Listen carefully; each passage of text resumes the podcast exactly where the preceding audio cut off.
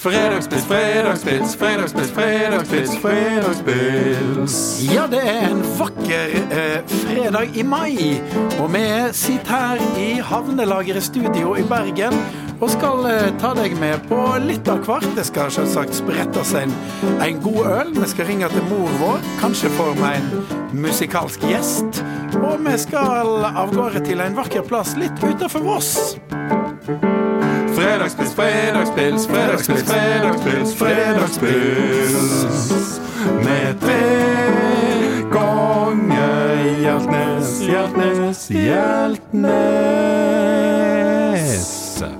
Eh, det vet litt eh, ekstra spesiell sport i dag, Knut. Ja, i dag skal vi jo faktisk eh, til Starheim. Ikke akkurat kjent som ei sportsbygd. Ikke akkurat noe folk kanskje forbinder med sport. Nei, de forbinder med Stalheim, veit vet du, det er jo vakker natur.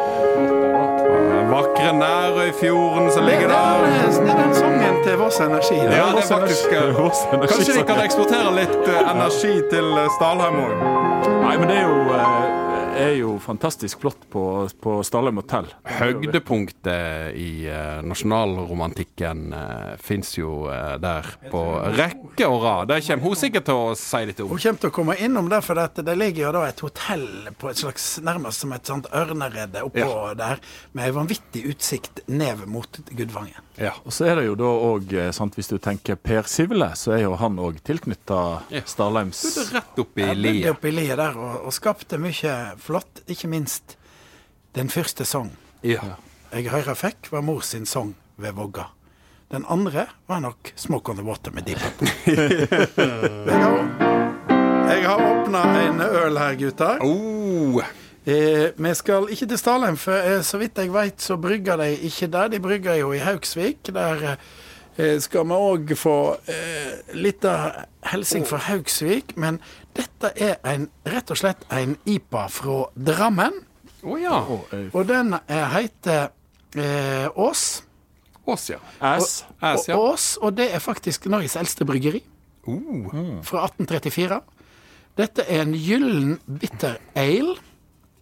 Og det er jo fantastisk eh, flinke folk. Et eh, ekte heilnorsk bryggeri. Lukter veldig godt. Og en nestor der i alle år, Terje Aas, som eh, har vært utrolig flink å brygge øl. Og vi heier jo på alle norske bryggeri. Det gjør vi. Skål, karer, og Skål. god helg. God helg. Fyldig god smak. Ja. God humle. Det står at det skal være litt blomster og ø, frukt, men jeg kjenner ikke mango. Nei, ikke mango, men den var veldig fruktig og fin. Ja. Og så er, og så er det litt sånn god ølsmak. Denne her er ikke så ljos. Den er da mørk, eh, litt mer sånn rødlegg, og det smaker litt øl. Ja. Et snev av rumpesmak. Hvis det er Ås. Nei, det, det er Ås. Det er ikke, Det er ikke så- ass. Det er dobbelt, ja. Ok. Ja. Ja. Og det er eh, De har òg et sånn testbryggeri der de lager mye rart i sånn small batch. Så det er De følger med i tida, og det er ikke noe dårlig valg hvis du går i butikken. Og som vanlig, vi har ikke fått penger for å si dette. Det har vi ikke. Du har kjøpt den. Jeg har rett og slett kjøpt den på eh, Kiwien her borte. Så kjøpt den. Det har jeg heller ikke fått penger for seg. Men eh, den får du nesten overalt, og det er en god øl. Litt eh, kraftig god ølsmak. Dette er vel sikkert sånn Strømsgodset-øl, det her, da. Ja. Hvis vi snakker om sport. sant? Kan jo hende noen til og med som heier på Mjøndalen, tar seg en ås òg. Kan jo være. Det, det er jo apropos sport, det er jo tradisjonsrik fotballklubb Mjøndalen òg. Mjøndalen òg er jo eh, den mest Jeg husker vi hadde jo også vi kjøpte disse her gamle fotballrevyen. Ja. Eh, og der var det jo eh, eh, blant annet den første farga spilleren Ja. i norsk eh, eliteserie. Oi. Zaid Sarr. ja. Han var det helsida med, husker jeg, og han spilte for Mjøndalen. Mjønd, og han eh, mener jeg Jeg hørte Jeg vet ikke hvor han er nå, men jeg lurer på om han endte opp eh, Han driver på som en trener oppe i Alta eller en eller annen sånn plass. Han, han reiste nordover, rett og slett. Han reiste nordover og gjorde Men de var jo eh, til og med Så vidt jeg veit, så var de med i eh, var ikke de, Spilte ikke de eh, litt sånn eh, Europacup og ting? Mjøndalen ja, det, det har vel alltid det, Nå har de vel ligget i sånn litt opp og ned-heis fra førstedivisjon og opp til Eliteserien. Men nå er de vel oppe. Eh, så, men og Strømsgodset, vet du, har også, der har det jo vært litt tumult da i det siste. Og de Ja, vel det har det ikke vært. Det tror jeg ikke det har vært. Og til og med gode gamle Jostein Flo. Ja, Han har jo nå trukket seg som Han har vel vært en slags sportsdirektør der. han har vært der lenge. Ja. Høyt over lufta i Mexico.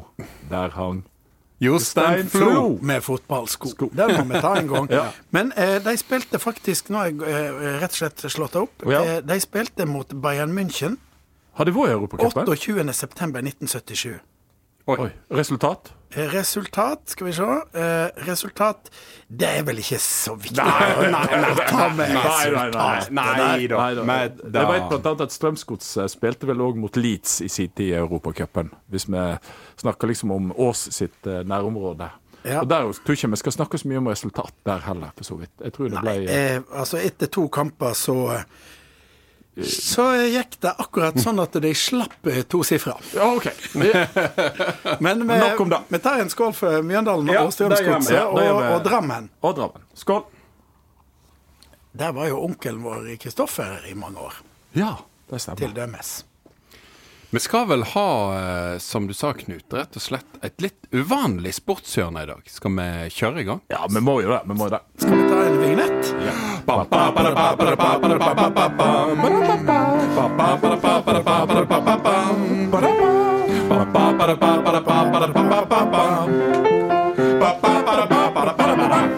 Vi har nemlig fått et tips Ja. av vår gode venn Rune Midthun. ja. Han har tipsa oss om en helt spesiell person som var tilknytta Stalheim hotell. Ja. Og det handler om sport, og det handler faktisk òg om musikk. Så nå skal vi ringe til sjefen oppe på Stalheim hotell, han er Trygve, Trygve Ja. Dogstad, og få vite eh, litt mer helt spesiell såga, må jeg si. Så bare hold fast i, i radioen. Eller det er vel ikke radio. ja, ja. Hold fast, godt fast i telefonen. eller Sett deg tett inntil mobilen. Vi skal til Stalheim. Og sett deg ned. Trykk airpodsene godt inn i ørene. Ja, for her skal det skje historiske ting. Hallo, ja, Trygve. Hei, Trygve. Dette er Tre ganger Hjeltnes som eh, Ja. ringer deg etter et tips fra den gode mann fra Haugsvik, eh, Rune Midthun. Ja. Du kjenner han? Yes. Ja, jeg kjenner han. Jeg kjenner han. Ja. Og, og han sier at eh, vi, vi har jo sportshjørner eh, nesten hver gang, og han sier at du rett og slett har ei litt uvanlig eh, soga om en av de som jobber på hotellet i mange år. Ja da, det stemmer det. Hvis du tenker på han Egil, så var han også det. Egil William Pettersen, han, eh, Ja. hva gjorde han på hotellet? Han var pianist her eh, fra 1972 og til han døde i 2012, så dette er 40 år. Oi, oi, oi. Pianist på hotellet. Han ja. spilte ja, stort, ja, seks kvelder i uka stort sett. Oi, oi, oi. spilte, spilte på dagtid til cruisebåtturister. Så broren hans Sjur, som sekretærer, er Ja, han kjenner nok til han, kjenner, Ja kjenner nok til han og har hørt han. Jeg husker han spilte veldig smakfullt, og eh, han var en stilig herremann. Men eh, du, må, du må jo fortelle litt om, om den her eh, fotballkarrieren hans. For da må jeg innrømme, jeg er nå ganske opptatt av fotball og interessert, men, men den historien har jeg ikke hørt om. Ja, nei, han, han, som sagt, han var, var født og oppvokst i Tistedal, rett utenfor Halden. Født i 35. Og eh, han hadde jo dette, han Egil, at når han fant noe, så gikk han voldsomt inn for det. Utrolig, enten det var noe fotball eller piano eller vandring i skjell eller lese filosofi. Ja. Da var, gikk han veldig inn for det. Og eh, han, ble jo, han spilte jo fotball på Tistedal IF, hvis jeg ikke husker helt feil. Og eh, han ble eh, på tidlig 50-tall oppkjøp, eller noe kjøpesum, det vet jeg ikke, men jeg fikk en type om å spille profesjonelt i Frankrike, Aix-en-Provence. Oi. Oi. På 50-tallet så, så kom det altså talentspeidere til Tistedal.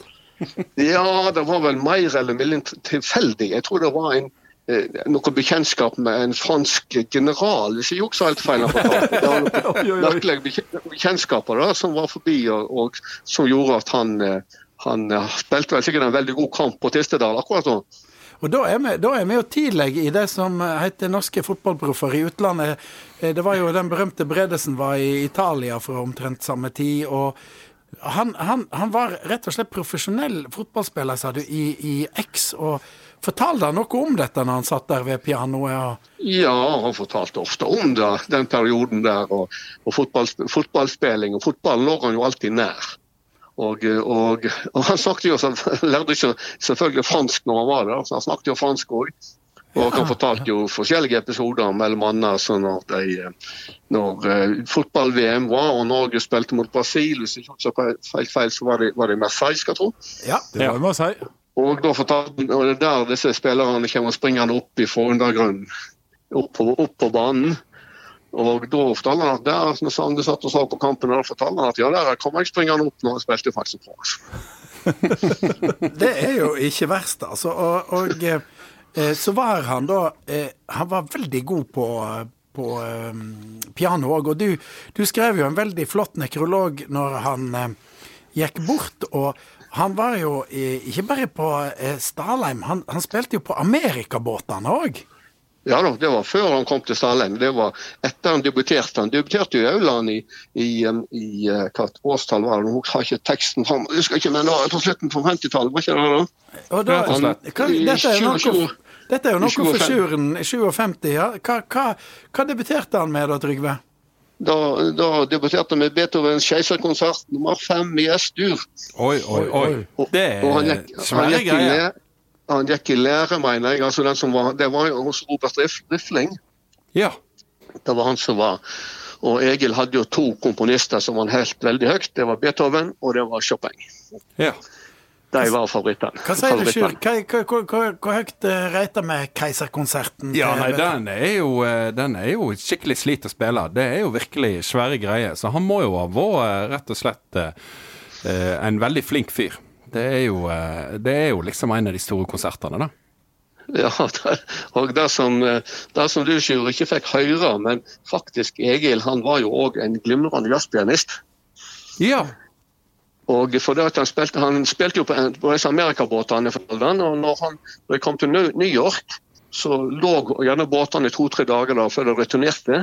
Og Da fortalte han at han var oppe i New York på disse barene der disse store jazzpianistene spilte da på 1750-tallet og tidlig 60-talls, og satt og hørte på dem. Ja. Og, eh, så jazzen den var egentlig nær, men han spilte sjelden jazz. Det var en gang en japaner som var her, som tipsa han godt, og da begynte Egil å spille jazz. og det var, Da satt han og hoppa, han og hoppa på stolen sin. altså, rett og Ja, slett. rett og slett. Men ellers så spilte han da på en måte, hva skal du si, litt sånn elegant salongmusikk, da. Med Ja, Chopin og Grieg si at- og sånne ting. Ja, da et Publikum endra seg, kan du si. Men eh, til å begynne med, altså når jeg var her, det var mye amerikaner, så spilte han altså Før middag da var det litt lett musikk. altså Lett eh, klassisk musikk. Lett operette med litt lett musikk. Ja. Og så hadde han som regel en etter når gjestene kom ut fra middag, da var det en, nærmest en, en konsert med Grieg og alle disse her. ja. Og så ble det litt lettere etter, etterpå, etter, på kvelden litt lettere og litt dansemusikk. Det er jo litt av en jobb, da. Det er altså seks eh, dager i uka, og eh, det er han, han jobber for pengene. Ja, han, det varierte. altså. Noen dager så jobber, kan han spille nesten to uker i, i sleng og ta to-tre-fire dager fri igjen. Sant? Ja. Så, så, så, sånn var det. Men du, Men han- hvordan var den havna på Stalheim hotell? Nei, du vet det var på, på, den på, på tidlig 70-talls så var det noe som heter Norsk musikerformidling, tror jeg. Ja. Og det var de som sto for det, både her hos oss og på Campbell. At eh, for de hadde bruk for en pianist, så meldte du deg til Norsk musikerformidling, og så skaffa de en pianist til det, rett og slett. ja. Og da eh, var han 40 år av deg eh, der oppe, Trygve. Og Ja. utrolig utholdende type. Men, men med denne her fargerike bakgrunnen og den fantastiske pianisten han var, det kan jo ikke ha vært lett å erstatte. Nei, og, og vi har vel for så vidt ikke Vi har hatt noen inne, men det er ikke noen, det er ikke noen som måler seg med Egil, verken på en eller annen måte, for å si det sånn. Det er jo ikke så mange som har eh, pianister av det kaliberet som spiller lenger. sant? Da, da, Nei, det er ikke Det. For, men det er jo veldig flott. Altså, det, det, det lager jo litt sånn ekstra stemning når folk kommer ut og skal se på den fine utsikten, at det er litt eh, profesjonell mus music. Du vet, Egil han sa jo da at han, han hadde verdens beste utsikt fra arbeidsplassen sin. Ja. Ja. Han satt et Det er med, med flygelet der og så utover dalen. Og du må jo si, og, du må si noen en fine ord om Stalheim, for det er, jo, det er jo verdt å reise til Stalheim hotell sjøl om eh, Egil eh, har eh, da lagt fra seg tangentene, heter det?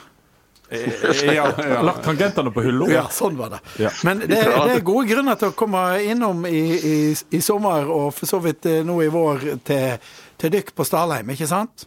Absolutt. Stalheim er en flott plass. Med kanskje en av de flotteste utsiktene i, i, i landet. Iallfall er det mange, mange kunstmålere som har vært her på Stalheim. Jeg har jo, vi regner i hvert fall har jeg talt opp og skrevet litt om disse kunstmalerne. og I hvert fall har vi kjent en eh, 15 av de mest kjente nasjonalromantikerne. De var jo alle på Stalheim og har malt landskapet her. Og eh, 26.6 nå så ser det ut som at Isi Dahl sitt berømte og ikoniske bilde for Stalheim, det er vel kanskje et av de mest kjente fra nasjonalromantikken, Ja. som henger i Nasjonalgalleriet. Et svært bilde på. Det er vel ja, er det, er det 1,70 ganger 2,40 stort eller noe sånt. Oi! Det kommer, kommer til Stalheim 26.6 og skal Oi! henge én dag. En dag. En dag. Henger, henger den dagen der. Det er en sånn turné som Nasjonalgalleriet har. Pga. at nye Nasjonalgalleri ikke ble ferdig i tide, da, så har de tatt en del utvalgte billetter og reist til de stedene der det ble, Ah, ble, det ble. Da må vi jo oppmode oppmå alle om, eh, lytterne om å reise en tur opp på Stalheim hotell. Det er iallfall helt klart. 26. juni. Bare, men hva, hva serverer du den dagen da, Trygve? Nei, det har han vel ikke funnet ut da, uttalt ennå. Enten godt øl fra Haugsvik eller et glass champagne til en ei så stor eh, hending. Ja, det kan du si. Du Sjur, burde jo ta deg en tur opp og uh, kjenne på flyglet etter Hvis du har litt gratis eh, sjampis og kanskje en gratis lunsj, så skal ikke se bort ifra det. For å si det sånn, eh, for å si det sånn eh, altså, Du hadde jo en pianist som var pianist og fotballspiller, så jeg tror Sjuren han heller seg til pianoet. For å si det sånn. Ja. Gjør han det? Gjør. Ja. Nei, men det, det høres ut som uh, virkelig ei historisk hending som ikke kommer til å komme att. Ja, og det er jo et utrolig flott bilde til dette her ifra et Isedal sitt ifra Jeg tror man må snakke, ja, men vi må snakke med mor om 1892. det. vet du. Hun er veldig eh, kunsthistorisk interessert, men, men det var fra 18, hva sa du, 18... Det var, det var- ferdigmalt i 1842. og Det var bestillingsverket fra greve Jarlsberg. Ja. Ja. Men Isedal han var jo her på Stalheim og tok skisser allerede i 1826. Så han drev på en stund med Og så malte han der nede eh, i Tyskland etter Skisso. Ja. Det stemmer. vi skal snakke med mor om dette, Og, og men, mor kan sikkert alt om dette. men da her, også. eh, kan vi jo si det sånn, eh, Trygve, at det- da ble det faktisk fullt på Stalheim den 26. juni. Med, med Gode sjanser. Det er gode sjanser. Du, en, en siste ting. Når er det du, eh, du åpner for sommeren? Nå, akkurat nå, nå ser det jo ut som det er 5.-6. juni. Du vet at med alle, alle turisthotell de sliter jo forferdelig akkurat nå med Ja. å få inn eh, personale. Ja. Og det er jo, det er jo mange er jo aldeles djupt fortvila, og det gjelder for så vidt også- òg. Vi håper jo at det blir litt lettere når vi kommer utover et lite stykke, men, men det er jo en forferdelig vanskelig situasjon. Spesielt for sesonghotell som er avhengig av utenlandsk arbeidskraft, og kanskje ikke minst eh, nøkkelmedarbeidere. Du vet, eh, Folk sier til oss hotellfolk at, eh, at ja, det er så masse norske som er arbeidsledige. Men da sier jeg at ja, ja, det er en stor dag, men vet, i hotellfaget du må kunne litt der òg, altså. Ja, ja, og med, med, med en sånn eh, eh, historisk stad som Stalheim hotell, så kan du ikke slenge hva som helst eh, bak disken eller i, i gangene der. Men hvis det er noen hotellfaglige som hører på, så kan de jo eh, snakke med deg. Det kan jeg godt. Det kan jeg godt. Og det er god mat, gode senger og ei helt himmelsk utsikt Ja. på Stalheim hotell. Og så kan du se Ikke på minst må du ta med, ta med naturen rundt Stalheim. Det er jo en utrolig flott plass for å gå i fjellet, vandre korte, små turer.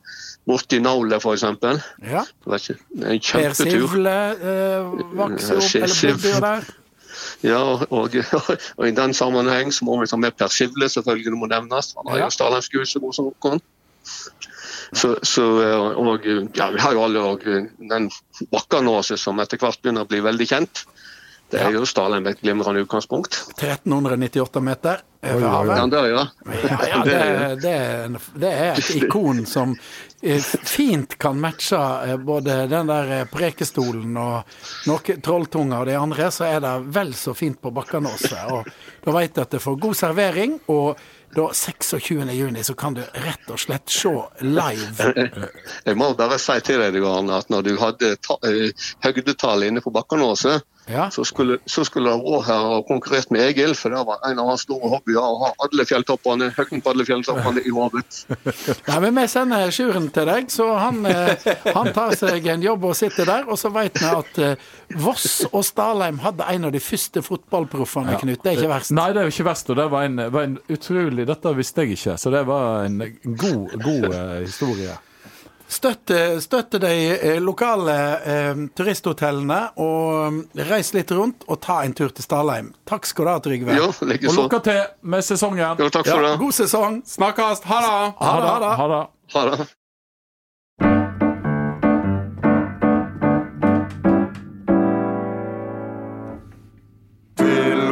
Hvor skal du hen? Til Voss. En nyresvenn. Til Voss. Ta deg en tur til Voss.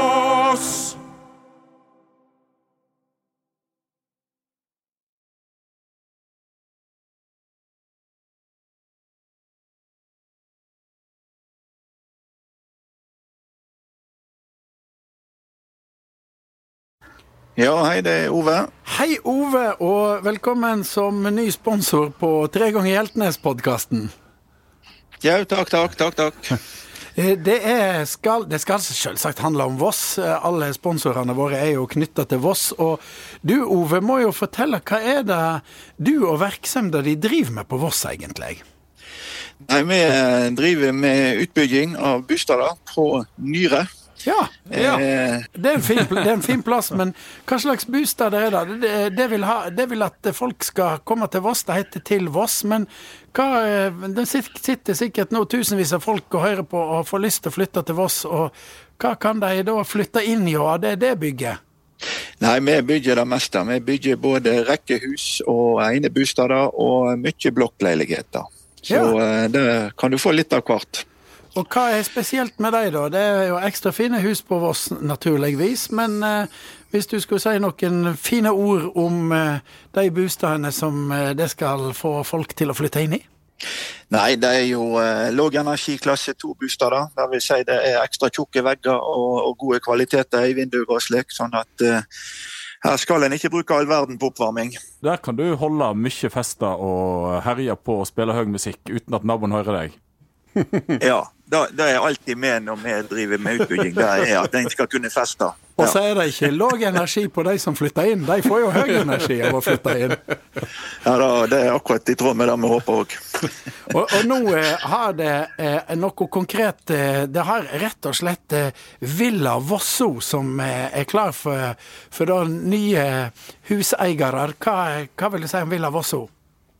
Villa Vosso er jo vårt eh, hittil største prosjekt i, på Nyre. Eh, det er jo totalt 28 leiligheter, eh, og eh, ligger nå eh, ute for salg. og Jeg må bare sende en e-post til 'flytta til Voss nå', så eh, kommer vi i kontakt. Flytta alfakrøll til voss.no. Er det det Ja. det heter? Det er rett og slett det det heter. Hva, hva, hva tror du om naboene? da? Får de gode naboer?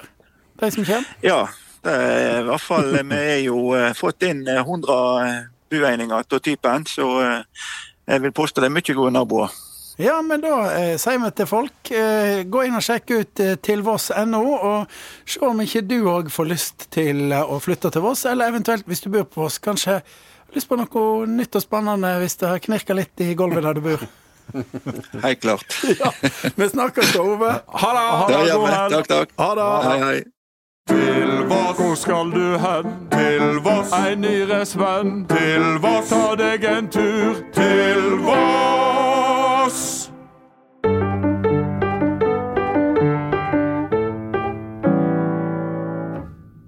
Da er det sånn at vi nok en gang har fått en musikalsk gjest i studio. Og nok en gang så har vi et instrument som vi aldri har hatt før.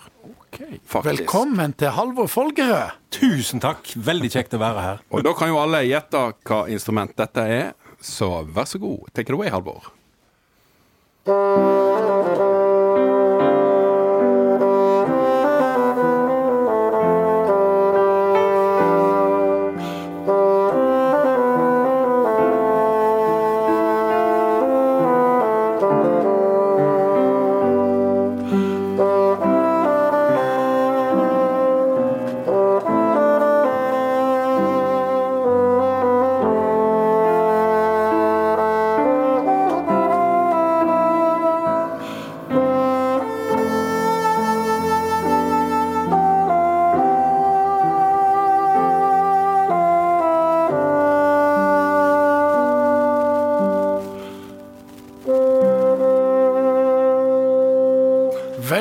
Vakkert. Og de eh, 2000 eh, pluss eh, lytterne våre, så tipper jeg 99% gjetter riktig at dette var Sjur.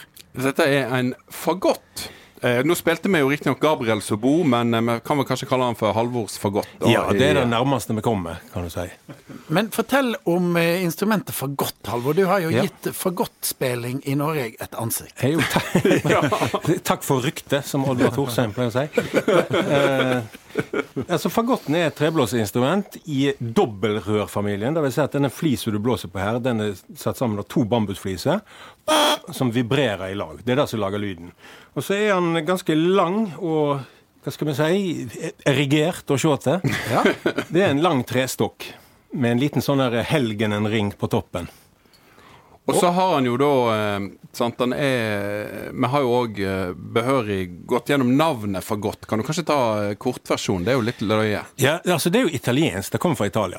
Ja. Og ordet fagott eh, betyr opprinnelig altså en, en, eh, en risdunge, eller en, en altså en kvister som er bunta i sammen. Oh, ja. Og det, som du ser her, den består jo av flere røyr sant, som er liksom sett i samme eh, Et annet røyr, da. Og eh, så var det jo sånn hvis, Nå må du hjelpe meg, Sjur. Jeg Ja. er ikke sikkert jeg husker alt dette. Men, men det der eh, kvistene var òg brukt som symbol av eh, fascister. Ja. Ja, sånn, for disse her aksene, det var sånn jordet og tilbake til Ja. det Men den er eldre enn som så, fag fagotten. Den er eldre enn fascismen, ja. Ja, det var bra. Så da ble jeg uh, rolig. Fagotten kom først. Blir du Ja. påvirka av å spille det, da? Du, blir ikke, du får ikke litt sånn rasistiske tanker når du driver og blåser inni der? Jeg kjenner jo det rykker litt en eller annen gang, men Men, men hvor gammel, gammelt er instrumentet? Hvor, hvor, hvor, hvor hen kom den første fagottonen ut? Altså, Jeg vet ikke akkurat noe Årstallet vet jeg ikke. Men jeg vet at det fins barokkfagotter. Ja. Så det går i alle fall tilbake dit. Ja. Og så, så kom det jo motsatt, skrev jo flere fagottkonserter. Ja, ja. Så i wienerklassismen så var det på Da var det, hadde det fått plass i eh, orkesteret. Ja. Og det har jo en veldig sånn uh, særegen sant? Det er ingenting som låter som en fagott. Så han har på en måte en sånn uh, Han kan jo spille veldig uh, djupt. Du har jo til og med kontrafagott, som er, den eh, Det er jo omtrent ikke plass til her i studio. Men du, du, du kan jo spille djupeste tonen, så kan du høre hvor fyldig uh, han er. Det er mye teknikk. Ja, ja. Det, du bruker kjeften mye til å, til å intonere, så det heter, altså til å få det til å stemme. Og så må du holde den Du har alltid et lite glass med vann til denne fliset. Ja, folk tror alltid at, eh, Du skal ha en tynn en. Det så ut som du hadde med en tynn en. Og de lurer enda mer når jeg sier at de skal ut og fukte flisa. Apropos, har Halvor fått eh, seg litt litt øl? Men jeg tenkte først for det at, eh, Jeg tenkte først at eh, for oss, da, på Ja. vår alder, så er jo fagotten særs kjent eh, fra barne-TV. Ja. Han Der er, er det en eh, Der kan vi òg ha en liten quiz nå, hvis du spiller kjenningsmelodien for en kjent barne-TV. Ja. eh, Altså, dette er en barne-TV-serie som gikk både i 70, 71, 77 og 1980. Ja. da tror jeg jeg må reise meg opp, rett og slett. Ja, det er lov. Det er høytidelig.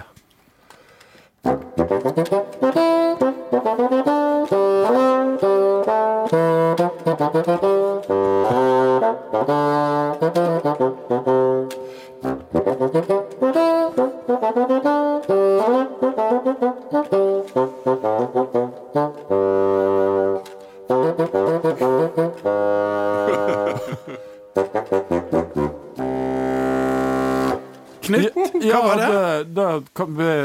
lytterne om å sende inn svaret på Facebook-sida. Nei, jeg, ehm, jeg, jeg tenker jo på Jeg tenker på det, men det er jo ikke Thomas Toget. For det er det. Dette, dette er jo Du er inne på noe. Det, det er noe med tog. Går du videre? Jeg går videre, og, og jeg tror vi skal ehm, vi, vi skal til Wales. Vi skal til en eh, walisisk eh, barne-TV-serie. Ja, og den Hva heter heter toget? Det heter ikke Thomas. Nei, det heter Tøffe. Det var det det. Eller på eh, walisisk Ivor the Engine. Ivor the Engine. Og det var eh, Ragne Tangen som var eh, tøffe, og så var det faktisk Rolf Johs Nilsen som var lokfører. Snillesen. Ja, det stemmer. Nå får nå bildet nå i hodet. Det var jo ganske mye musikk i barne-TV og i NRK der det var for godt, tror jeg. Det, det, det, Ja. det gir en liten sånn der liten smak av eh, 60-tallet og 70-tallet. Det blir litt sånn Var ikke glad. det for godt i Pompel og Pilt òg? Nei, det vet jeg ikke, men Torbjørn Egner var jo, det var jo hans favorittinstrument. Så det, Ja. det var veldig mye i bruk f.eks. i ja, Hakkebakkeskogen og Men eh, hvordan begynner en å spille for godt, da, Halvor?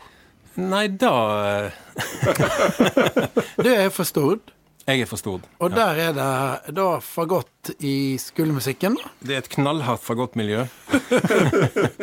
ja, ja, det var fagott i skolemusikken på Stord. Ja, det var sånn du begynte? Det var sånn, altså Jeg spilte egentlig kornett, det var messingblåser. Og så Han dirigenten vår han var veldig sånn janitsjar-entusiast. Og så var det en som uh, spilte fagott, egentlig, men uh, jeg tror ikke han fant ikke helt ut av det, eller tri trivdes ikke med det.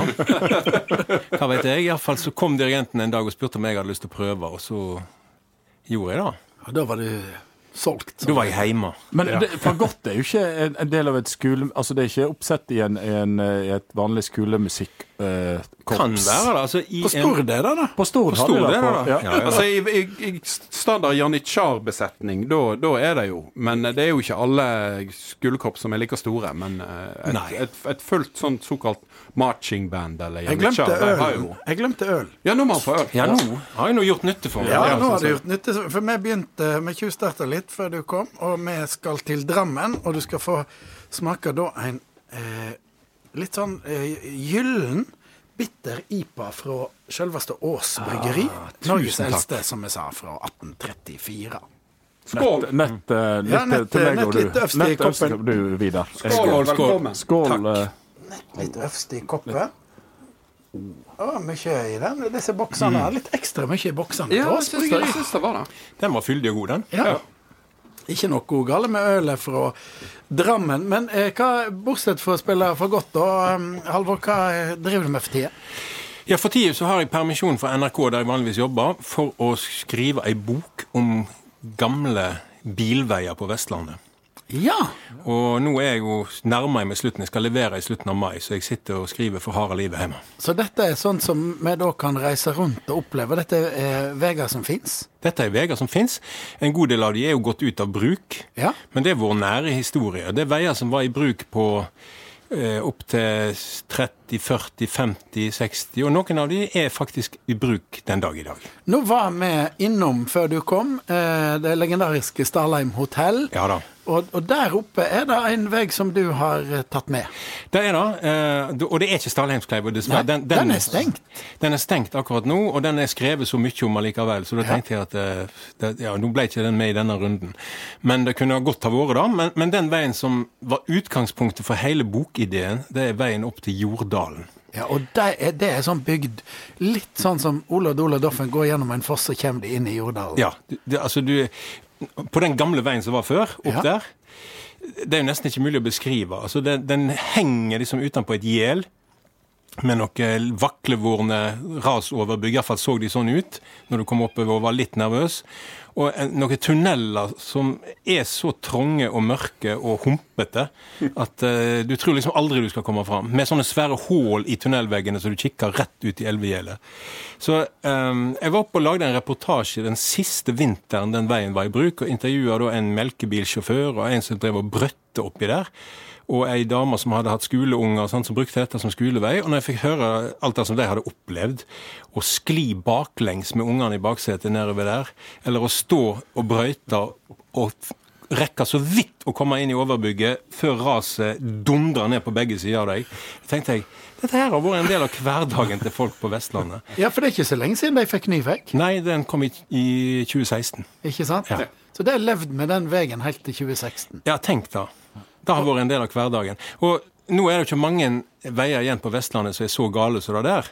Nei. Men hvis du går noen år tilbake i tid, 30, 40, 50, 60 år kanskje tilbake i tid, så var det faktisk mange som hadde, så var det faktisk en, en god del av veiene som var sånn som det der. Og når folk da eh, Folk klager jo felt på standarden på veier, men de vet ikke hva de snakker om. Nei, de vet ikke hva de snakker om.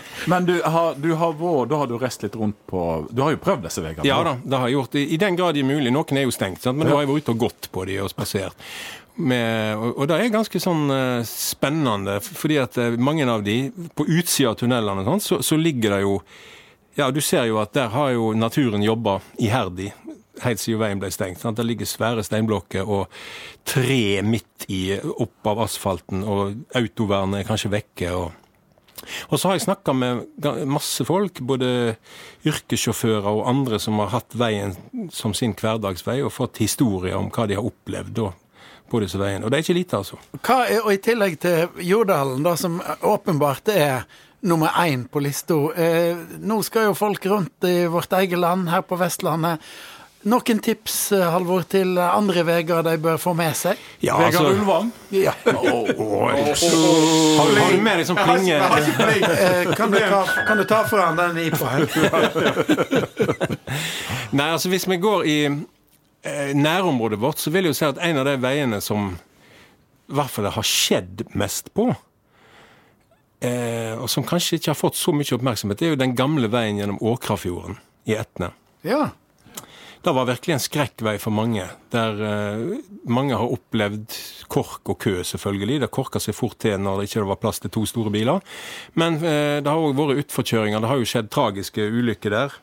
Eh, det har skjedd massevis av nestenulykker, og folk har stått i En historie jeg hørte, det var en som ble stående trailersjåfør som sto halvannet døgn mellom. og Da hadde det gått ni forskjellige ras utover hele fjorden. Så det var heftige saker, altså. Det er, det er ingenting altså, i dag å reise rundt i forhold til gamle dager. Nei, og hvis du er i Åkrafjorden, så kan jeg jo til deg nevne, da, drive litt reklame for Ja. Åkrafjorden. Ja. Altså på gamle Trolljuv bru, som nå til og med er freda av Riksantikvaren. Ei hengebru som går over et 100 meter høyt juv. Der kan du da om sommeren eh, prøve strikkhopping, for de som er interessert i slikt. Ja. Ja. Nei, dette høres jo ut som eh, ei, ei bok og en inspirasjon til å utforske da Vestlandet. Ja, det håper jeg det blir. Hva, hva vet tittelen på boka, og når kommer hun? Den skal hete Vestlandsvegar. Ja. Uh, og den Jeg har ikke fått noe dato, men sånn uh, slutten av september, begynnelsen av oktober, der omkring. Kan du navnet på disse veiene? Ja. Hvis, du, hvis ikke du spør meg om sånn hva fylkesveinummeret er, Sånn, ja, Ja, jeg på tenkte alle. på, da. Fylkesvei eller Fylkesvei 314 over eh, Bergsdalen, den husker jeg. Den kom Den husker jeg òg. Ja. Okay, Ok, da, Vi tar en liten til. Uh, Vikafjellet. Vikafjellet. Den er heller ikke med. Den var sto på kanskje-lista, men den er ikke med. Men uh, den heter rv. 13. ja. men, men den der Bergsdalen da, For meg som bodde på Voss før vi fikk den nye veggen, så var, tok det jo tre timer å kjøre til Voss. Ja. Fra Bergen-Voss. Ja, ja. For at det var jo Bergsdalen er jo skummelt. Den er ganske skummel, og den er faktisk, den vil jeg si, det er jo, hvis du vil virkelig se hvordan veiene var på 70-tallet, så kjør en tur fra Bulken til Dale eller andre veien. Eh, den veien der, den er, det er et levende veimuseum. Den er omtrent sånn som den var før. Ja, den kan en bruke. Altså en del av disse kan du faktisk kjøre på. Ja, ja, den er åpen. Jeg hørte en, jeg kan, jeg fortelle én bitte liten Ja, historie som, for en av de som jeg snakket med i Bergsdalen. Eh, var, jeg tror det var sånn at svigermor til eh, datter deres, som bodde på samme tunet, hun er fra Haugesund. Og når hun skulle besøke deg oppe i Bergsdalen, så hadde hun sånn fast rituale. Kom til Dale, så stoppa hun bilen, eh, sminka seg litt, grann, stelte seg på håret. eh, og, gjorde seg litt fin, for hun visste jo aldri hva som skjedde på vei opp til Storefossen. Og hun ville iallfall være velstelt når hun ble funnet. Du Halvor, vi må ha en liten Jeg vet at du har en liten sånn um, fagott-quiz. Det er jo en melodi som er jo veldig uh, kjent på fagotten. Uh, vet du hva jeg tenker på da, kanskje? Jeg lurer på det. Ja. Den uh, Det er jo en fantastisk flott uh, fagott-melodi. em, melodi. Den passer godt til fagotten. Ja. Ja. ja. Er det, er det Jeg, jeg tror det, ja, Ja. hvis du skjønner. Se om, skal vi se om Brønner klarer det. Skal vi, vi skal spennende. dette, det, det ser så lure ut. Ja, ja. Det så veldig lur ut. Nei da, nei da, det var ikke den. Det var ikke den jeg tenkte på eh, Ja, ja, Ja, unnskyld. ja, ja. Den der var, den, den kunne jeg. Det var Per Sivle. Ja, det, det er riktig. Fra Den kommer senere. Men nå kommer en enda, Det var et en, enda, en enda vakrere melodi. Ja, denne her begynner jo med fagott. Og her, eh, ikke for å skryte, men her har jeg lært meg de 32 første taktene utenat. Oi, oi, oi. oi. Ja.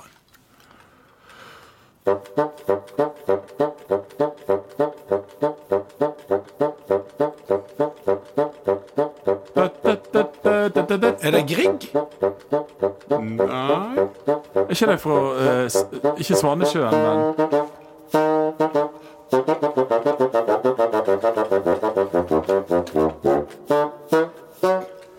Og Så kommer melodien. OK, skal vi gi litt hint Eh, til? eh, eh, Ja. OK.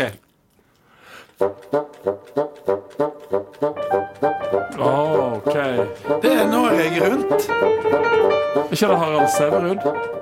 Nei. Det er jo ehm, kjempe... Nei. Det er Johan Sverdrup.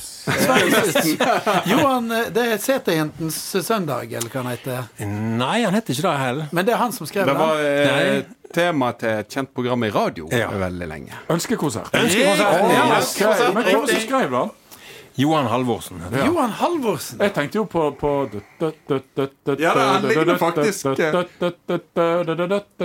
Ja, han kunne, ja, ja. ja. Til forveksling lik. ja. Det var nesten, vi var nesten inne på det. Jeg tror det er samme fagottgruven. Ja, faktisk. Det, det gruver godt av fagotten, for å si det sånn. Men uh, snakk om gruving. Kanskje vi må Ringe til ta, mor. Ja. Ringer til mor og høre om det er noe gruv. Er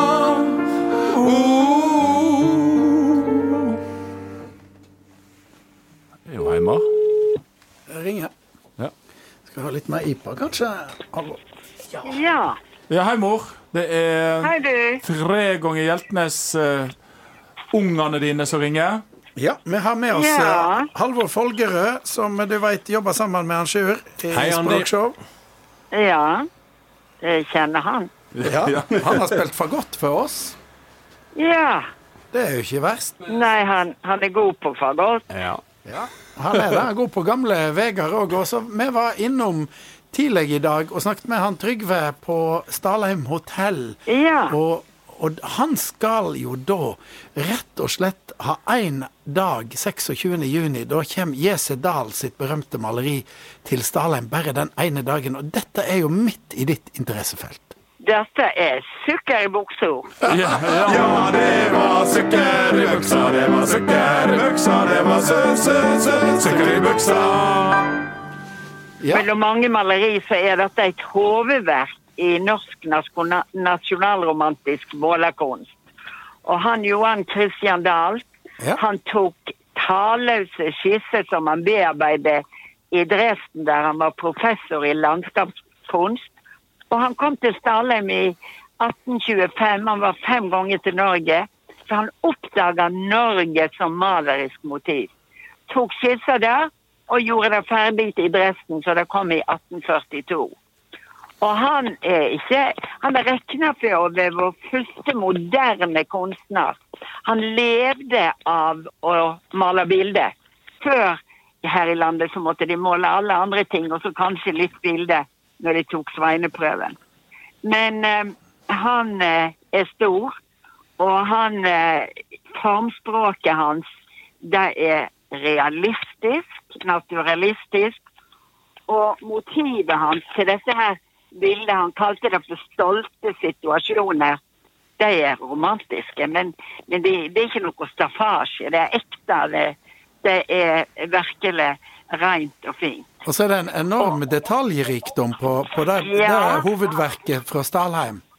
Ja, der er det så mye eh, detaljer, særlig i Det er jo et storfelt landskap i tre sikt. Og særlig i den opplyste mellomgrunnen så presenterer han det som blir med landskapet med etnologiske og geografiske detaljer. De, de påstår at spesialister i biologi de kan finne planter der. Så, så, så nøye var de. vi- De var så nøye, Ja, da. og så Det, finner det. vi jo Hva finner du? vestlandsnaturen eh, som er, eh, er grønnere gras og klarere luft enn mange andre landet. Det er noe typisk. Og så til slutt så legger han en regnbue over der. Og det kan jo tolkes. Du vet, ofte tolker jo folk for mye. Men det er jo nokså ofte regnbuer her, med, med alt regnet vi har, og sol innimellom. Og, og det gir jo på en måte en mektige dimensjoner til, en mektig dimensjon til det der bil- bildet. Og han der Dahl, han var ikke bare måler, men han, han var òg en kulturforkjemper. Han var med på å grunnlegge Nasjonalgalleriet. Han hadde jo sett hva de gjorde i Tyskland. Vi lå jo etter, sant? og dette var jo svensketider. Og han ville da få fram det norske. Så vi måtte ha Nasjonalgalleri, Bergen Billedgalleri, Fortidsminnesmerkeforeningen er han å takke. Og for syne meg redda han ikke de 30 stavkirkene som sto igjen, med å lage ei svært eh, tegneverk der han tegner opp alle. Så han Johan Christian Dahl, han bør alle norske, både unger og voksne, vite noe om. Men nå, eh, nå, nå kan vi jo oppleve han da på Stalheim hotell. 26.6. Nå kan du oppleve han på Stalheim hotell, og så kan du gå ut på terrassen og se på panoramaet. Og når jeg er der med gruppe, så sier jeg alltid gå ut og se på panoramaet før de begynner med lunsjen. Ja, ja. Ja, det er et godt tips, eh, Andi. Vi regner med at du skal dit 26. juni. Knuten, eh, nei, Sjuren har lovt å sitte i, i, på flygelet der og spille Grieg. Må vel passe til Ja, det dette? Ja, vel det må vel bli litt sånn Det er altfor lite Grieg, og vi Det er skal altfor lite Grieg rundt omkring. Ja, det er for lite Grieg, Og, og og, og for så vidt er det disse, disse malerier de er kommet på moden igjen. Du vet, Folk er så avhengig av hva som er moderne, men det er jo ikke jeg. Nå ble det jo solgt et tilsvarende landskapsbilde av den store Han andre store som kom litt seinere, han Skude, han med brudeferden osv. For 4,5 millioner. Men de tippa det skulle gå for 1,5 million. Men det gikk for 4,5. Så folk har sans for kvalitet. Ja, det er bra. Tusen takk skal du ha, Andi. Vi skal få med oss Stalheim, og alle sender en varm tanke denne helgen til Johan Christian Dahl, som eh, redda veldig mye av de nasjonale, viktige tingene i Norge. Ja. Takk skal du ha. God helg! God helg. God helg, God det. Men da eh, passer det vel egentlig. Da eh, skal vi holde oss i Stalheimstraktene. Skal holde oss i Stalheimstraktene. Han nevnte jo så vidt Per Sivle, som vokste opp på gården Sivle, rett ved sida av hotellet. Og eh, vi lurte jo litt på om vi skulle ta og tulle litt med den første sangen, men vi fant vel egentlig ut at Det det, går torde vi ikke. Det går ikke. Det- det- Den, den, er jo, den er jo hellig. Det er en nasjonalsang der på Vestlandet. den, skrev jo Per Sivle, og så ble jo den verdenskjent, holdt jeg på å si, iallfall norgeskjent, når Lars Sørås, den yngre, satte melodi til han. Men de har òg skrevet en annen melodi, som egner seg jo veldig godt på fagott. Vil ikke du si det, Halvor? Jo, den ligger ganske greit på fagott. Det er rett og slett Å vesle lerka som blir vår En fin sang som alle unger lærte i gamle dager da jeg gikk på skolen. Og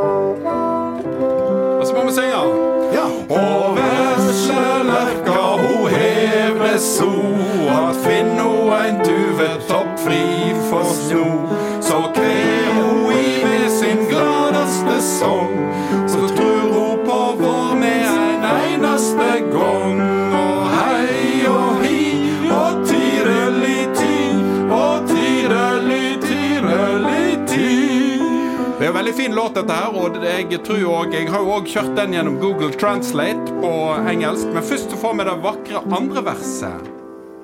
Og vesle lerka ho hev det slik, at finn ho en solstråle så vert ho rik. Da stig ho i høgdi og trallar i litt, til somar på jord enn da snoen ligg kvitt. Og hei og hi og tirli ti.